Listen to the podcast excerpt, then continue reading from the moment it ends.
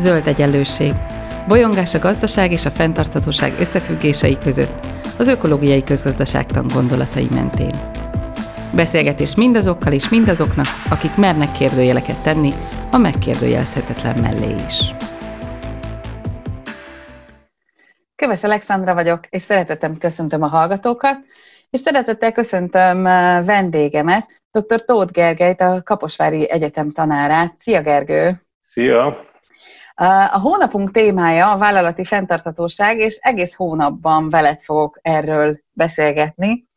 A mai adásunk témája a korlátlan felelősségű társaság. Egy kicsit így kérdőjellel, hogy, hogy mi az, hogy korlátlan felelősség, vagy mi az a korlátolt felelősség. De mielőtt belekezdenénk a, a témánkba, szeretném kérni tőled, hogy, hogy röviden, röviden mutatkozz be, hogy a hallgatók is tudják, hogy kivel beszélgetek a hónapban. Tóth Gergely vagyok, két állásom van jelenleg, illetve most már egy 10-15 éve. Egyrészt a civil szférában dolgozom, tehát még 1995-ben megalapítottunk egy egyesületet, az a neve, hogy Követ, Azért követ, mert eredetileg környezetudatos váltirányítási egyesület, tehát vállalatokat akartunk zöldíteni, aztán átkereszteltük ezt már jó ideje követ egyesület a fenntartató gazdálkodásért, tehát a vállalati felelősségnek és a, a, az alternatív közgazdaságtannak a, főleg a gyakorlatát terjesztjük.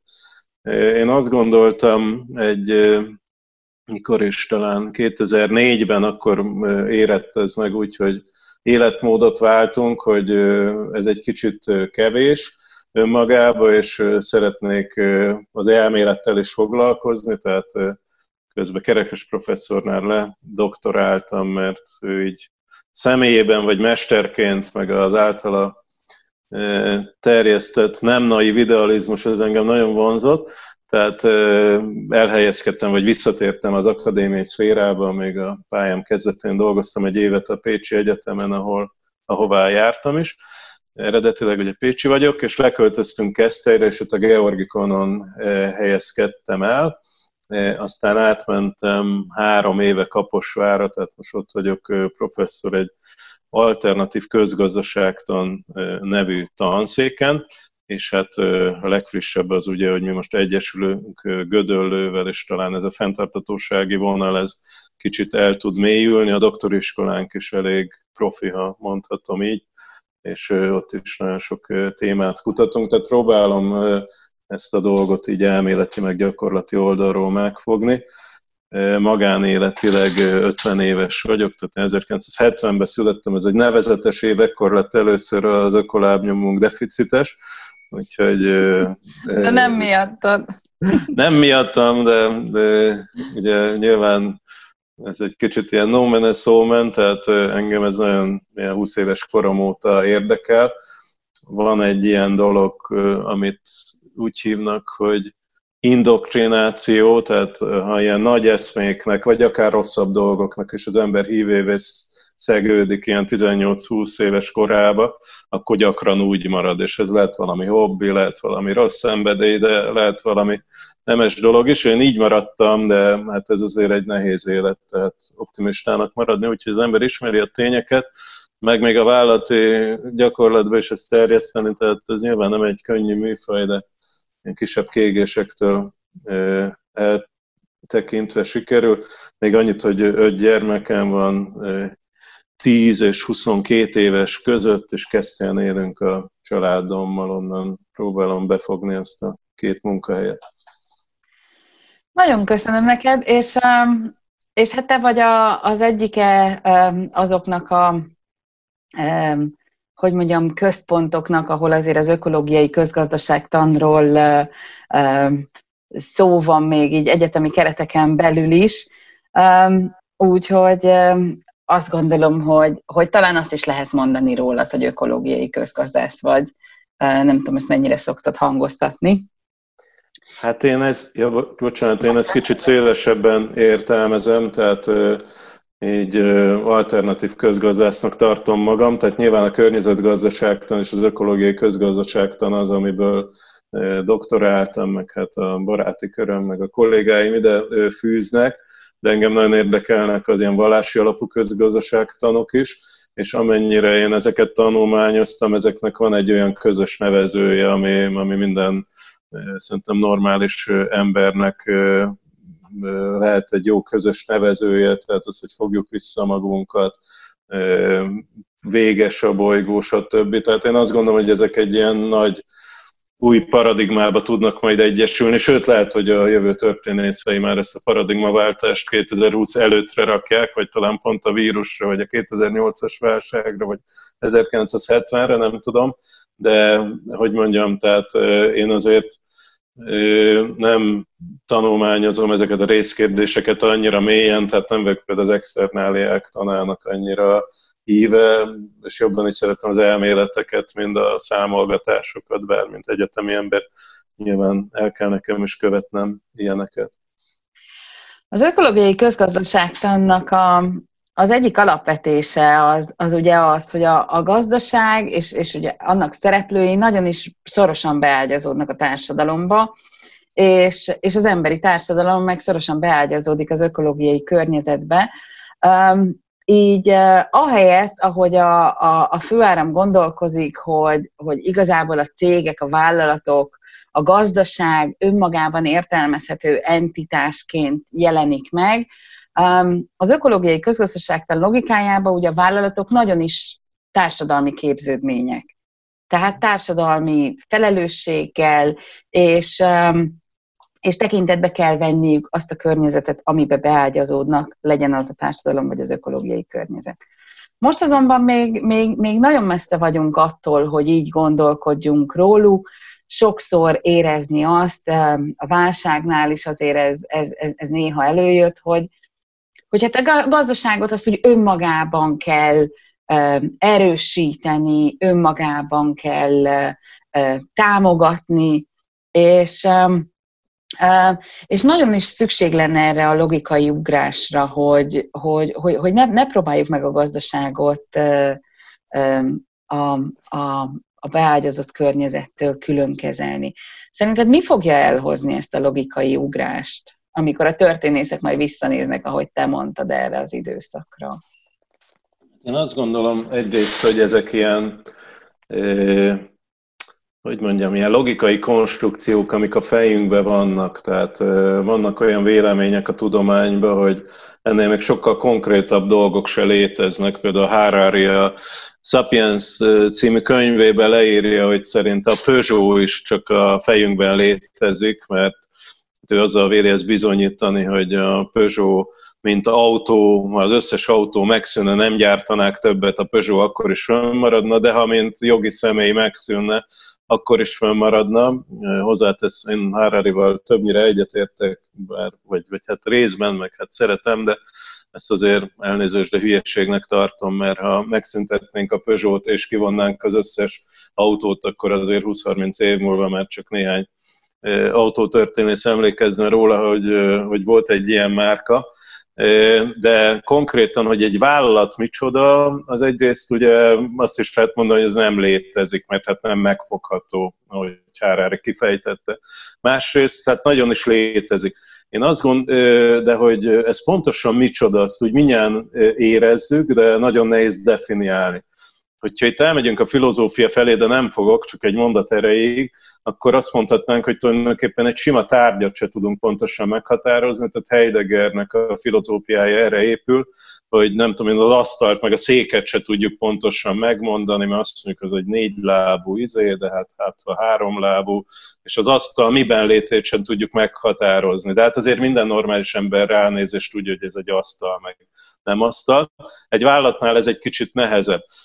A kérdésre visszatérve, én azt gondolom, hogy tulajdonképpen ilyen mémek vannak a fejünkben, hogy hogy értelmezzük magunkat. Tehát a vállalat, mint olyan, meg a közgazdaságtan, mint olyan, nagyon sokáig velünk volt, talán egyidős az emberiséggel, vagy hát legalábbis legalább tízezer éves. Megnézzük a Bibliát, akkor ott le van írva az első kereskedelmi tranzakció például, hogy ugye Jákob megvette Ézsautól az első szülöttségét egy tál lencsér, hát ez körülbelül, most lehet, rosszat mondok, de ez egy olyan 5000 éve lehetett, Nyilván nem tekintették ezt gazdasági tranzakciónak. Tehát Adam Smith volt az, akitől datáljuk, nevezetesen az 1776-os művétől, hogy ilyenek vannak. A állatok már sokkal korábban voltak, de az emberek egyfajta ilyen nem tettek különbséget egy gazdasági szervezet vagy egy másik között. Most kicsit előre csapok, de mindjárt visszajövök. Tehát a, a, ezek a gyarmatosító társaságok például nem sokban különböztek a, gyakorlatilag a, a uralkodói jogoktól. Tehát ha megnézzük, hogy mik voltak a kelet-indiai társaság jogai, akkor gyakorlatilag azt látjuk, hogy az angol király vagy az angol királynő az kvázi odaadta licencbe, vagy, vagy nem tudom én hogyan a jogainak egy részét, mert neki túl nagy volt a birodalom. Ugye a brit birodalom azt hiszem a világ negyedét vagy harmadát uralt a, a csúcsán, tehát nyilván az angol király nem tudott minden piszticsárék és gyarmattal foglalkozni, ezért kiadta ezeket a jogokat, ezeknek a cégeknek a jogai sokkal nagyobbak voltak még egy mainál is, tehát például volt pallos joguk, vagy viselhetek háborút, vagy adhattak ki pénzt, tehát ezek olyan dolgok, amiket ma még ebben a nagyon liberális és kapitalista világban is hát szigorúan nemzeti jognak tartunk. Hát visszatérve a kérdésre, azt gondolom, hogy ezek így az agyunkba egy kicsit kiágyazódtak, de ez az agyunkba van, tehát önálló személyként léteznek, ezt megerősítette ugye a jog, de a jog szerintem csak így deklarál olyan dolgot, amit mindenki elfogad. Tehát azt gondolom, hogy ennek a mémnek kéne a fejünkbe megváltozni, hogy ne tulajdonítsunk az egész gazdaságnak, és egyáltalán a vállalatoknak ilyen nagy szerepet. Keynes még, ha idézhetem, hát most ugye nem fog tudni pontosan idézni fejből, de valami olyasmit írt 1920-30 körül, nem tudom, hogy melyik művében, hogyha e, sikerülne elérni azt, hogy a közgazdaságtan olyan normál szakma lenne, mint a fogtechnikus, hogy a közgazdászok olyan józan alázattal szakemberként tekintenének magukra, nem úgy, mint ilyen főpakok, és hát ugye hol volt még 1920 mához képest, ilyen elméletek is vannak, hogy a fő közgazdászok azok ilyen ilyen teol, hogy mondják, nem teológusok, de ilyesmi, tehát ők úgy megmondják, hogy hogy működik a piac, meg nem tudom mi, tehát ha visz, sikerülne visszaszerényedni, és akkor hozzátenni nem csak ennek a tudománynak, meg a szakmának, hanem a politikának, meg általában ez, ez inkább az emberek fejébe van, mint a közgazdászokéba. Tehát szerintem mi azért tudjuk, hogy mennyire korlátos a szakmánk, akkor, akkor elérnénk ezt a váltást. Én úgy gondolom, hogy ez történik, vagy hát legalábbis van két erős folyamat, az egyik, hogy nyilván durvul a világ, és egyre vadabb lesz a kapitalizmus, és egyre több a gazdag, meg a milliárdos Magyarországon is, meg nemzetközileg is, és csökken az egyenlőtlenség. Csökken, bocsánat, csökken az egyen, hogy van? Egyenlőség. Egyenlőség, igen, elnézést. Tehát ezt egy rossz folyamatnak tettem, de ott van a megoldás is, tehát az emberek fejében meg ez egyre jobban realizálódik, stb. az elnyomottabb országok, meg a korábban ilyen lesajnált népek, meg a szegények fejébe is. Én azt gondolom, hogy a, alapvetően idealista, meg optimista vagyok, a történelem folyását illetően, tehát azt gondolom, hogy ez az igazság folyamat, ennek az egyéni érdekek nem fognak tudni ellenállni, ahogy a feudalizmus is megbukott, pedig hát kigondolta volna, ott volt minden pénz, meg hatalom. Én remélem, hogy ez egy boldogabb és békésebb bukás lesz, nem olyan, mint amikor vagy hát végül is az egy békés bukás volt, most ott a szocializmus, kommunizmus kísérletére gondoltam, tehát remélem, hogy ez nem forradalom fog járni, de az igazság az mindenképpen utat tör magának, hogyha normálisak az emberek és elfogadják, akkor békésen, hanem akkor sajnos összecsapásokkal, de azt nem lehet föltartóztatni. Van egy könyved, aminek a címe az, hogy valóban felelős vállalat, és, um, és ott is hivatkozol Adam Smithre, um, aki, aki egyébként um, támadta annak idején a korlátolt felelősség intézményét, és, és a mai értelemben vett KFT-k és RT-k Angliában be is voltak tiltva 1720 és 1862 között. Egy, egy konkrét botrány miatt, a londoni értéktős, de South Sea Bubble botránya miatt. Mi volt a baj a korlátolt felelősséggel akkor, csak nagyon röviden, és, és mi a baj a korlátolt felelősséggel ma? Akkoriban az volt a baj, és tudom, hogy én használtam ezt a szót, hogy támadta ennek az intézményét, most már ezt másképp írnám, tehát azt mondanám, hogy akkoriban a klasszikus közgazdászok, és általában a, az emberek, tehát a politikusokat kezdve a közvéleményig, hatalmasat csalódtak az akkor még friss korlátolt felelősség intézményében, és nem csak Angliában egyébként, tehát ugyanígy volt, tehát ugye a kapitalizmus ős hazája, hogyha lehet ezt mondani, hát talán Hollandiát is bele lehetne számolni, de az ilyen elméletalkotókat nézzük, a fiziokratákat, a merkantilistákat, a klasszikus közgazdászokat, akkor egyértelműen Franciaország és Anglia. A Franciaországban is megvolt egy ilyen hasonló botrány, Gyakorlatilag arról volt szó, hogy ugye kellett finanszírozni az egyre nagyobb költségeket. Ez egyébként egy elég érdekes paradox, hogy minél erősebb valaki, és megnézhetjük ma is a nemzetgazdaságokat, annál könnyebben eladósodik. És azt is tudjuk, hogy ugye hány nagyon erős vállalat fog ma padlót, tehát igaz, hogy van egy nagy bukás, amikor születik egy cég, ugye van azt hiszem angolul egy ilyen mondás, hogy 10-ből 9 ötlet elbukik, mielőtt még piacképes lenne, de nagyon érdekes, hogy később is attól például, hogy fölvesznek hiteleket, most, hogy ha mondhatok egy személyes dolgot, az egyik unokölcsém kinél Angliába, és Jamie Olivernek az egyik éttermét vezette, ami egy nagyon jó menő étterem volt, állandóan tele volt, stb. De mégis úgy csődbe ment, hogy nem is tudták, tehát ő étteremvezetőként úgy értesült erről a történetről, és nyilván ez egy normál cégnél nem történhetne meg, csak egy korlátott felelősségű társaságnál, hogy jöttek a felszámoló biztosok, hogy akkor ő mondja meg a beosztottjainak, hogy van két órájuk, hogy kivigyék a személyes cuccaikat. Tehát a tulajdonos nem is közölte velük a, a történetet, és hát nyilván nem lopta el a pénzt, hogy nem tudom mit csinált, hanem egyszerűen elszámolta magát, mert hát ő alapvetően akármilyen sikeres meg jó menedzseli magát, hát ő egy szakács, nem egy kockázati tőke befektető, vagy nem tudom, minek kell lenni.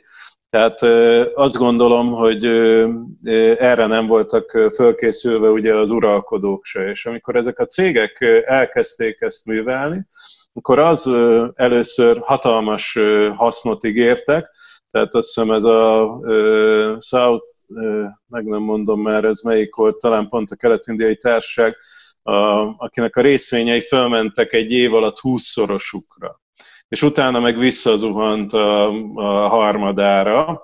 Tehát azt jelenti, hogy egy csomó ember akkoriban ö, csődbe ment ettől, és egy csomóan öngyilkosok lettek. Tehát azt a kerekes professzor mondta, hogy ez volt a 29-es meg a 2008-es válság között a fő különbség, hogyha valaki akkor elvesztette a vagyonát úgy, hogy ő tehetett róla, mert spekulált, akkor főbelőtte magát, most egyszerűen bezárja a céget, és elmegy a jó megérdemelt tíz éves Hawaii nyaralására, tehát egy kicsit az emberek is lazultak. Visszatér, vagy miért volt betiltva?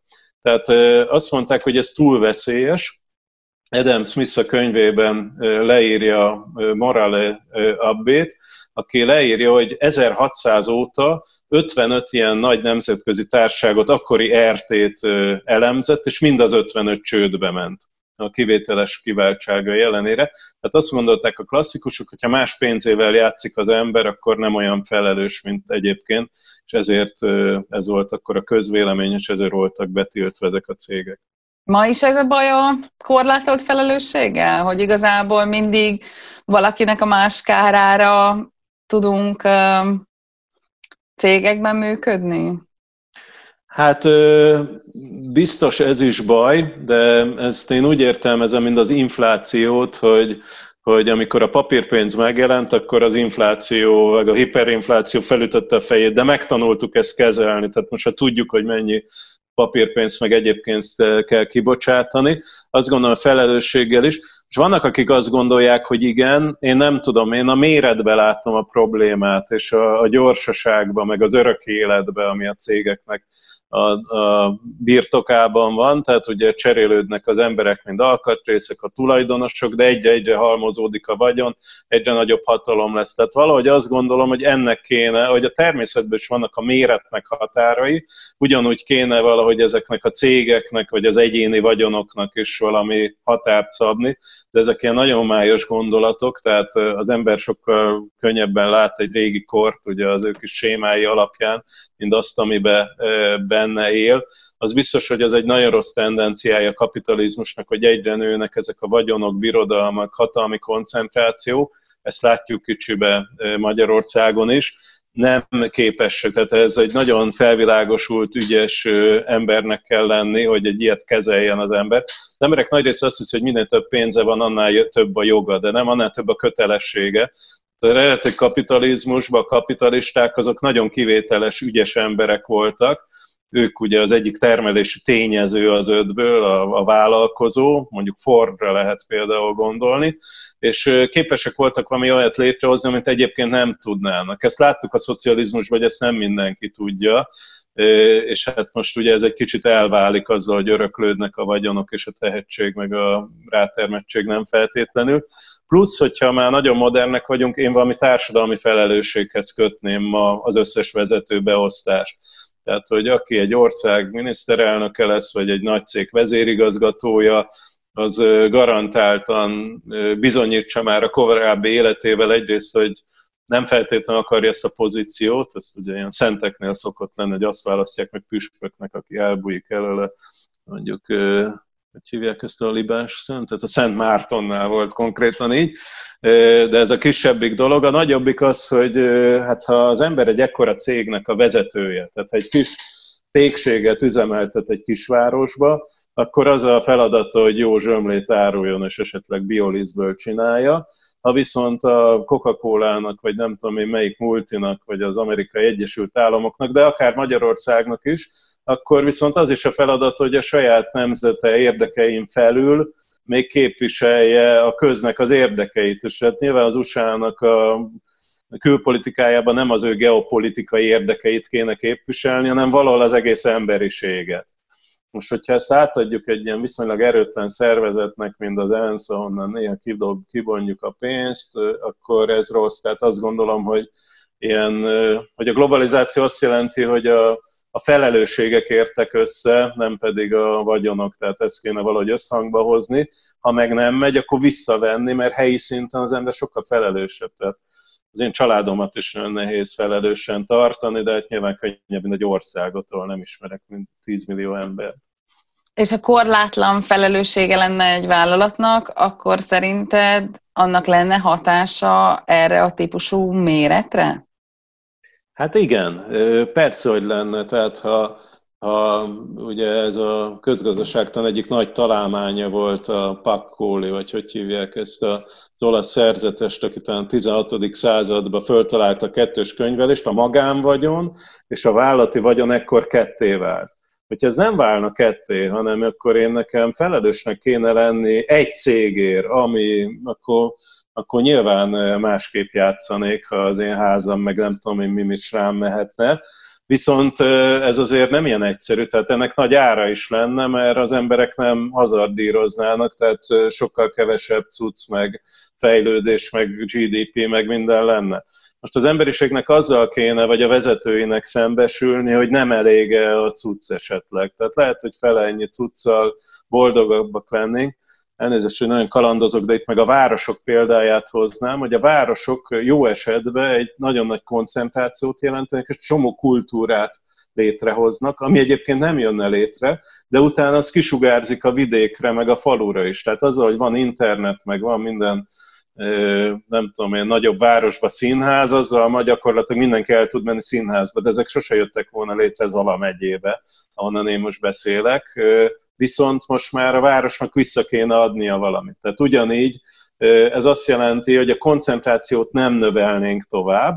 A városoknál ezt azt gondolom, hogy most látjuk is majd, tehát egy ilyen 10-12 ezer éves urbanizációs folyamat talán elindul visszafelé, és lehet, hogy ugyanezt kéne a gazdasági szférába is. Tehát most egy kicsit, olyan ez kicsit, mint a növekedés, hogy az ember nem tudom, akinek van gyerek, az tudja, hogy a gyerekek egy része így egy picit meghízik, és utána megnyúlik, ugye? De, de mi azt gondoljuk, hogy hát az a jobb, hogyha folyamatosan hízik és nyúlik és erősödik, de nem akar senki három és fél méteres gyerekeket, akik 200 kilók, tehát ezek, hogy mondjam, így váltogatja a fejlődés a tendenciáit, vagy a gyümölcsfákat lehetne mondani, hogy ez, először piszok gyorsan növekednek méretbe, aztán alig, mert utána gyümölcsöt hoznak.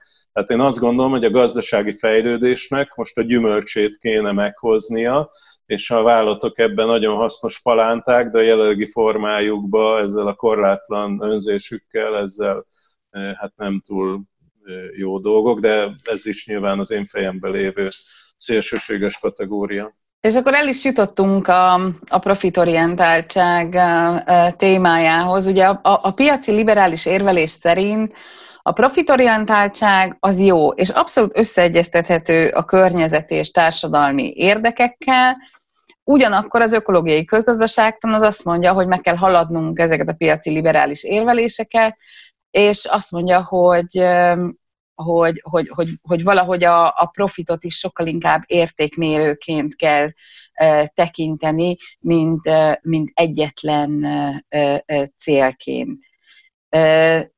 Szerinted meg lehet, tehát hogy, hogy, hogy van arra esély, hogy ez a, ez a tiszta profitorientált megközelítés valahogy változzon a közeljövőben? Hát először is ez is csak a mi fejünkben létezik, meg a gazdasági könyvekben a tisztán profitorientált vállalat, tehát nem tudok ilyet mutatni a világba, tehát be kell tartani például a jogszabályokat, az a profitnak világosan ö, ö, ö, szab határokat, meg be kell tartani egy csomó erkölcsi normát is. Ha mondhatok még egy érdekes példát, hogy a Tesla meg az Elon Musk ilyen híres zöld harcosként él egy csomó ember fejébe. Én ezt egy kicsit tagadnám, több érvem is van, de az egyik az az, hogy ha jól tudom, akkor ők például megtaláltak egy ilyen piaci hézakot Amerikába, hogy a fél méternél rövidebb hatósugarú lángszóró, az nem minősül lángszórónak és fegyvernek Amerikában, nem mit tudom én minek Sparher gyújtónak, vagy nem tudom én, ilyesminek, és ezért elindultak ezen. Tehát ez világosan egy olyan dolog, ahol a jog, van egy joghézag, és nem lehet belekötni a cégbe, de hát egy felelős vállalat nem csinál ilyet, mert hát egy félméteres vagy 40 centis hatósugarú lángszóróval ugye elég komoly dolgokat lehet csinálni, amik feltetően nem békések. Tehát vannak erkölcsi gátja is a cégeknek, és ez a vállalati felelősséggel, meg az ökológiai gondolattal, ezek nagyon erősek, és hát érdekes módon itt a sokat szidott multiknál a legerősebbek, tehát náluk vannak a legjobb zöld politikák és valódi felelősségprogramok. De hát ezek valódi ezt... felelősségek, vagy inkább ilyen, ilyen greenwashing? Mert hogy hát, a mostani társadalmi felelősségvállalás, ezek a CSR programok azért azoknak a, a legnagyobb része az, az hát így a papír jól elbírja. Hát én azért ezt tagadnám. Tehát uh, szerintem ezeknek a nagy része őszinte. Az egy más kérdés, hogy, hogy nagyon nehéz meghatározni, hogy mitől valóban felelős egy vállalat. Tehát ez épp olyan, mint hogyha megpróbálnánk azt leírni egy ilyen 120 oldalas könyvbe, hogy ki a szent. Tehát a fene tudja, mert hát biztos, hogy a szent általában nem hazudik, de néha meg tök vagányak. Meg, meg. Tehát nem lehet egy ilyen, egy ilyen kis szabályrendszerbe ezt lekövetni. Most mi ugye nagyon sok ilyen megoldást gyűjtögetünk, és biztos, hogy egy olyan elem van benne, amit, ha már itt a vallásnál tartottunk, a vallásban van egy ilyen, hogyha jótékonykodsz, akkor azt csináld titokban. Tehát a vállalatnak ez nagyon nehéz, mert hát nyilván ő neki a marketinget, tehát most nem akarok megint példákat mondani, de hát van, ahol, ahol azt mondják, hogy hát a CSR program háromszor annyit költöttek a propagandára, hogy azt eladják mindamennyit magára a természetvédelmi projektre, de hát mégiscsak van egy természetvédelmi projekt. Pedig ez Jó, egy... de hát innen, innentől kezdve azért erősen megkérdőjelezhető a, a motiváció. Tehát akkor itt Ez nem egy csak nagy a felelősségről kérdés. van szó, hanem a marketingről van szó. Ez egy nagyon nagy kérdés, hogy, hogy output oldalon nézik az etikát, vagy input oldalon. Tehát, hogy jónak kell -e lenni, vagy elég, ha jót tesz az ember. Tehát én azt gondolom, hogy az összességében az eredmény számít, tehát ha megvan mentve az a sziget, és most nem a hajógyári szigetre gondolok, akkor, akkor az meg van mentve. De persze jó lenne, ha még három szigetet meg, megmentenének a helyet, hogy ez, erről kommunikálnak, de, de hogy mondjam, tehát én ennyire azért nem vagyok szigorú, mert csak azért sem nekünk nagyon sok tagunk van, tehát ha szigorú lennék, akkor ugye mindenkit lehetne diszkvalifikálni, de ez olyan, mintha deriválnék alsó tagozatba, tehát nem lehet olyan feladatokat adni a gyerekeknek, tehát olyan mércét kell beállítanunk, ahol lehet egyestől ötösig teljesíteni. Tehát a CSR-nek én azt gondolom, hogy ez egy folyamat, tehát nagyon nehéz egyre elmélyülni, de én látok sok ilyet. Számomra az egy nagy kérdés, hogy tudnak-e a nagy és alapvetően profitorientált vállalatok kvázi át tudják-e ugorni az árnyékukat, Kicsit, ha megint használtok egy hasonlatot, ez olyan, mint a dinoszauruszok, mint meg az emlősök, hogy hát akkor tudnak-e emlőt növeszteni a dinoszauruszok, és kisebbnek lenni, meg levetni a pikkeljeiket, szerintem nem nagyon. Vagy létrejön egy új generációja a vállalatoknak, amelyik már emlős, és amelyik följön, és hát erre is ugye számtalan példát látunk. A követnek van ez a másért vállalkozó kategóriája, ez a valóban felelős vállalatokat is gyűjtjük, rengeteg ilyen esettanulmányunk van, most a 25 éves programunkban is ilyen cégeknek pont várjuk a jelentkezését, de van számtalan más mozgalom is, ugye a társadalmi vállalkozások, stb. Tehát Magyarországon is, ha most lenne egy fél órám, akkor össze tudnék legalább 50 ilyet, szer, 50 ilyet írni. Az a nagy kérdés, hogy ezek átveszik-e vala a hatalmat, vagy ilyen kis egyéni vállalkozások, és nem tudom, még mik maradnak. Vagy amikor egy nagy embernek már elég pénze van, akkor áttér egy ilyenre őszintén. Uh-huh. És hát ez nyilván Erről egy fogunk a, a következő um, héten beszélni. Um, de egy utolsó kérdés még, hogy uh, hogy ez, hogy áttérnek, vagy nem térnek át, ez, ez, ez, ez néha, néha úgy tűnik, mintha egy ilyen játékelméleti dilema lenne. Tehát, hogy, hogy azt mondják, hogy hát ha én felelős vagyok, de a másik nem az, akkor mondjuk adott esetben én, én veszítek um, azon.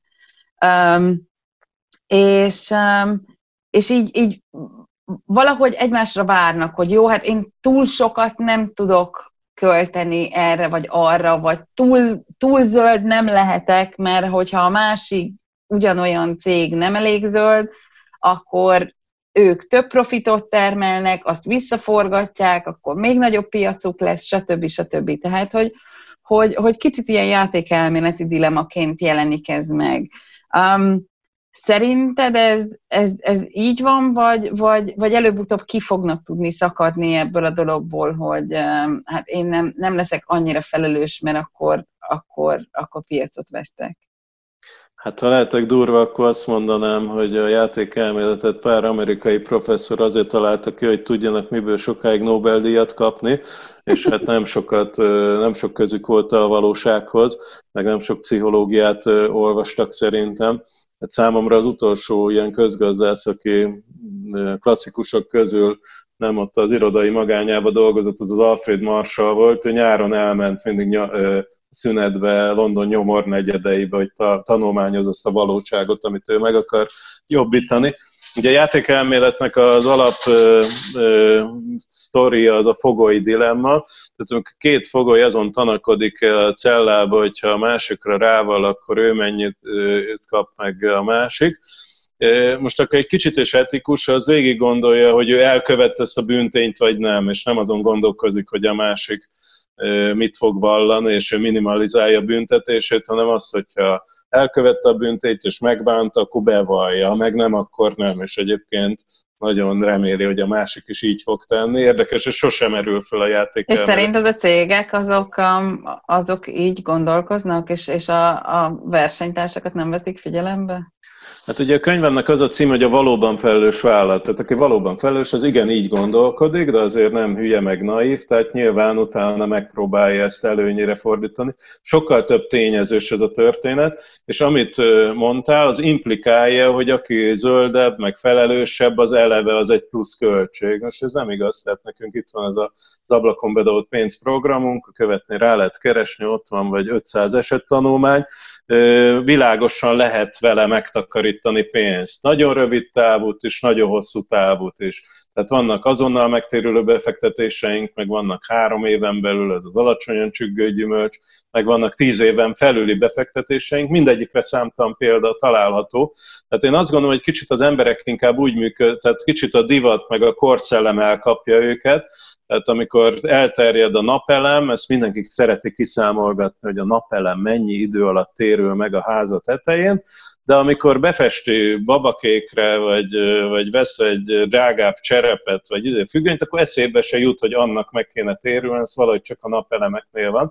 De mégis a napelemek nem ettől terjednek csak, hogy annyira javul a megtérülésük, hanem hogy hát ez folyik a csapból is. Tehát most az, hogy felmelgedés, most nekünk is kell tenni valamit, meg már a szomszédnak is van. Én azt gondolom, hogy ezek sokkal nagyobb erők, vagy legalább olyan nagy erők, mint a ráció, tehát ugye ez is egy ilyen közgazdász betegség, hogy az ember olyan racionálisnak szereti magát gondolni, de hát ezért is kaptak Nobel-díjat, hogy bebizonyították, hogy mennyire korlátozott a racionalitásunk, és ez mennyire csak egy dolog, ki az, aki úgy vesz almát, hogy végigjárja a város összes alma zöldségesét, hogy hol a legolcsóbb az alma, és hol kapja a legjobbat. Az ember benyomások alapján meg esetleg megnéz hármat, bemegy az ilyen-olyan boltba, és megvesz valamit, vannak ilyen indikátor termékek, ezt a nagyvállalatok nagyon jól tudják, amiket összehasonlítunk, az irodaszernél ilyen a papír.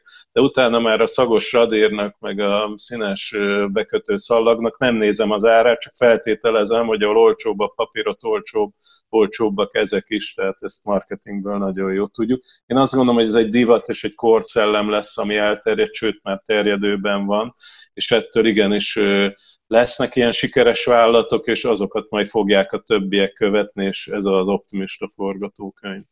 Örülök, hogy ezt mondtad, mert ez igazából um, rárémel arra, ami, ami a, a júliusi fenntartató fogyasztásos témáinkban előjött, hogy, uh, hogy nyilvánvaló, hogy, hogy az egyéni felelősség az elvárásoknál jelenik meg. Tehát minél inkább elvárásod lesz egy céggel szemben, hogy így vagy úgy viselkedjen, annál inkább elkezd így vagy úgy viselkedni, és onnantól kezdve ez a, ez a játékelméleti dilema az nem, nem arról fog szólni, hogy minél több profitot csinálj, hanem mondjuk adott esetben um, um, minél zöldebb legyél, vagy minél felelősebb legyél, mert hogy ez, ez, lesz, ez, ez a divat, vagy ez lesz a, ez lesz a divat, és, és ez alapján dőlnek el um, dolgok. Um, én nagyon szépen köszönöm neked ezt a beszélgetést, folytatni fogjuk jövő héten, mégpedig a vállalati felelősség öt alapelvével, amit te fogalmaztál meg a, a, a könyvedben, és, és akkor, akkor így egy, elmozdulunk egy kicsit a konkrétumok felé, hogy jó-jó, de hogyha tényleg felelős akar lenni a vállalat, akkor, akkor azt, azt hogyan is tudja megtenni, vagy, vagy, vagy, vagy mit érdemes követnie ebben. Úgyhogy én nagyon köszönöm neked ezt a beszélgetést. Én köszönöm. És a hallgatóknak meg köszönöm, hogy hallgattak bennünket, és hát hallgassatok bennünket legközelebb is. Viszont hallásra mindenkinek.